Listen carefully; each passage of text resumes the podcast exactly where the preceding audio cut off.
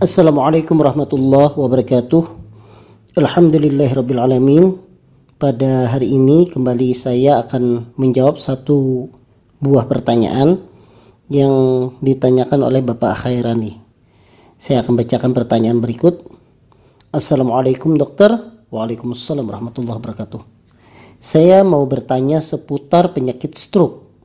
Ada yang mengatakan bahwa bila terkena serangan stroke tiba-tiba, segeralah menusukkan jarum ke jari.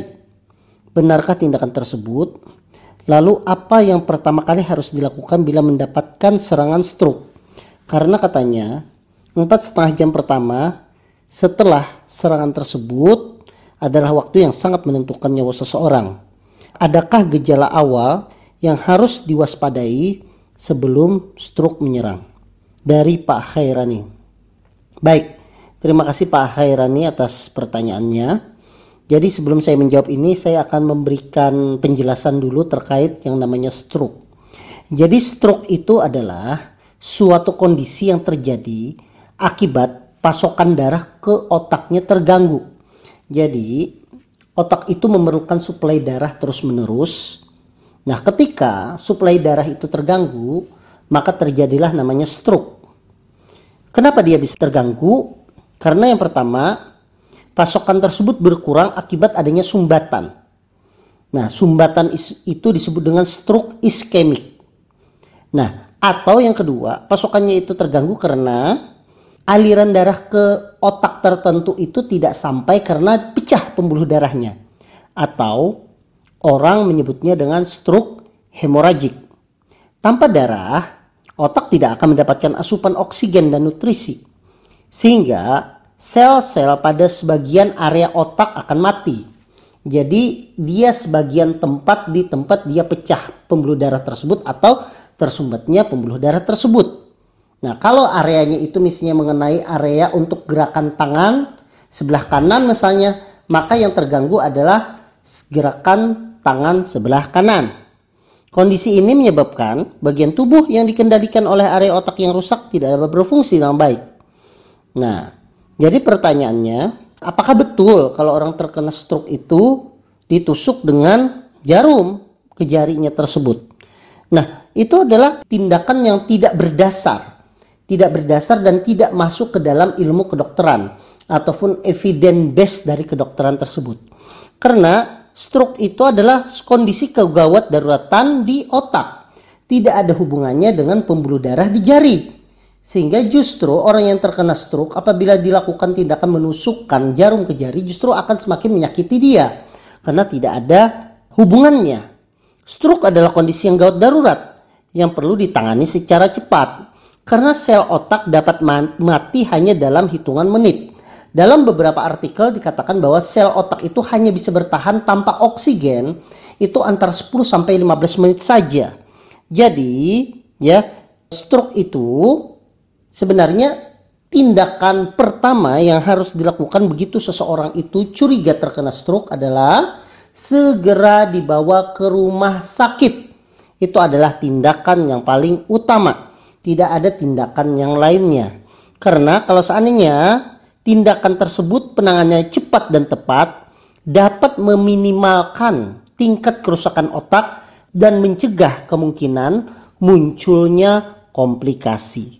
Jadi jangan menunggu batas waktu misalnya empat setengah jam. Tidak perlu itu karena empat setengah jam sudah terlalu lama.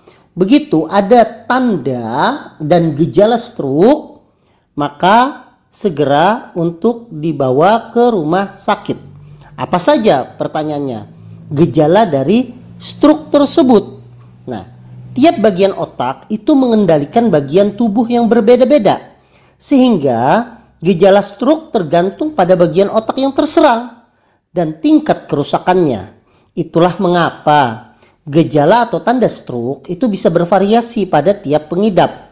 Namun umumnya stroke muncul secara tiba-tiba. Ada tiga gejala utama stroke yang mudah dikenali. Yang pertama yaitu salah satu sisi wajah akan terlihat menurun dan tidak mampu tersenyum karena mulut atau matanya menjadi lumpuh sehingga matanya sehingga mukanya itu terlihat seperti miring atau dalam bahasa Banjar disebut dengan perot. Kemudian yang kedua, tidak mampu mengangkat salah satu lengan karena terasa lemas atau mati rasa. Tidak hanya lengan, bisa saja tungkai yang satu sisi dengan lengan tersebut yang mengalami kelemahan. Kemudian yang ketiga adalah ucapan tidak jelas, kacau atau bahkan tidak mampu berbicara sama sekali meskipun penderita terlihat sadar. Nah, itu adalah gejala utama dari stroke. Ada juga gejala atau tanda stroke tambahan lainnya. Misalnya, bisa mual dan muntah kalau dia mengenai saraf-saraf terutama daerah-daerah saraf otonom.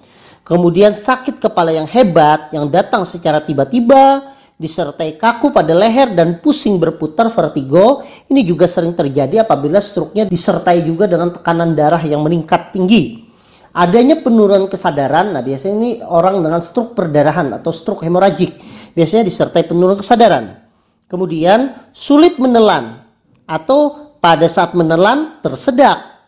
Kemudian gangguan pada keseimbangan dan koordinasi. Jadi kalau berdiri itu kok seperti mau jatuh. Nah, itu. Kemudian hilangnya penglihatan secara tiba-tiba juga bisa atau penglihatan menjadi ganda. Itu adalah salah satu gejala-gejala yang terjadi pada pasien-pasien stroke. Kalau itu terjadi, maka harus diwaspadai dan segera untuk dibawa ke rumah sakit. Nah, sekarang kita berbicara, stroke itu mengenai pada siapa? Mengenai orang-orang yang punya risiko tinggi. Apa saja risiko tinggi tersebut? Misalnya, darah tinggi atau hipertensi, orang dengan kencing manis atau diabetes, orang dengan kolesterol yang tinggi, orang dengan kegemukan atau obesitas, orang dengan penyakit jantung seperti gagal jantung, jantung bawaan, infeksi jantung atau aritmia atau gangguan irama jantung. Kemudian orang yang pada saat dia tidur tiba-tiba henti napas atau dalam bahasa kedokteran disebut dengan sleep apnea. Biasanya ini terjadi pada penderita yang obesitas yang tidurnya itu mendengkur. Kemudian pernah punya riwayat serangan stroke ringan sebelumnya atau disebut dengan transient ischemic attack atau TIA ataupun serangan jantung sebelumnya. Kemudian ditambah lagi dengan gaya hidup, misalnya merokok, kurang olahraga atau aktivitas fisik, konsumsi obat-obatan terlarang, ataupun misalnya ada yang sampai mengkonsumsi alkohol. Nah, itu juga faktor risiko yang sangat tinggi sehingga terjadinya stroke tersebut. Nah, jadi seperti pertanyaan oleh Pak Khairani tadi bahwa tindakan untuk melukai, menusukkan jarum ke jari itu adalah tindakan yang tidak tepat, tidak berdasar, bahkan kalau secara lebih ekstrimnya saya menyebut bahwa itu adalah hoax di bidang kesehatan yang justru akan menyebabkan pasien menjadi semakin sakit. Kemudian yang kedua, secepatnya kalau ada tanda-tanda seperti yang saya jelaskan tadi, itu harus dibawa ke rumah sakit ya tidak perlu menunggu waktu berjam-jam karena itu sangat menentukan tingkat keparahannya dan tingkat kecepatan penyembuhannya kalau sudah cepat untuk diobati dan gejalanya seperti yang saya sampaikan tadi seperti misalnya mukanya menjadi perot kemudian eh, kelemahan pada lengan atau tungkai atau bicaranya menjadi kaku itu adalah tanda secara umum nah Mungkin itu saja yang bisa saya jelaskan. Semoga ini bermanfaat bagi Pak Khairani yang menanyakan ini dan juga ini bermanfaat bagi jemaah semua. Ini adalah salah satu ikhtiar yang saya jelaskan ini adalah salah satu ikhtiar agar kita semua mengenal yang namanya penyakit stroke dan berhati-hati. Karena selain kita berdoa kepada Allah untuk kesembuhan kita, tentunya ada usaha di diri kita agar menjaga supaya diri kita tetap sehat dan dilindungi oleh Allah Subhanahu wa taala. Terima kasih atas perhatiannya. Semoga Allah memberikan kesehatan kepada kita semua dan melindungi kita dalam melaksanakan aktivitas sehari-hari. Saya tutup dengan ucapan wassalamualaikum warahmatullahi wabarakatuh.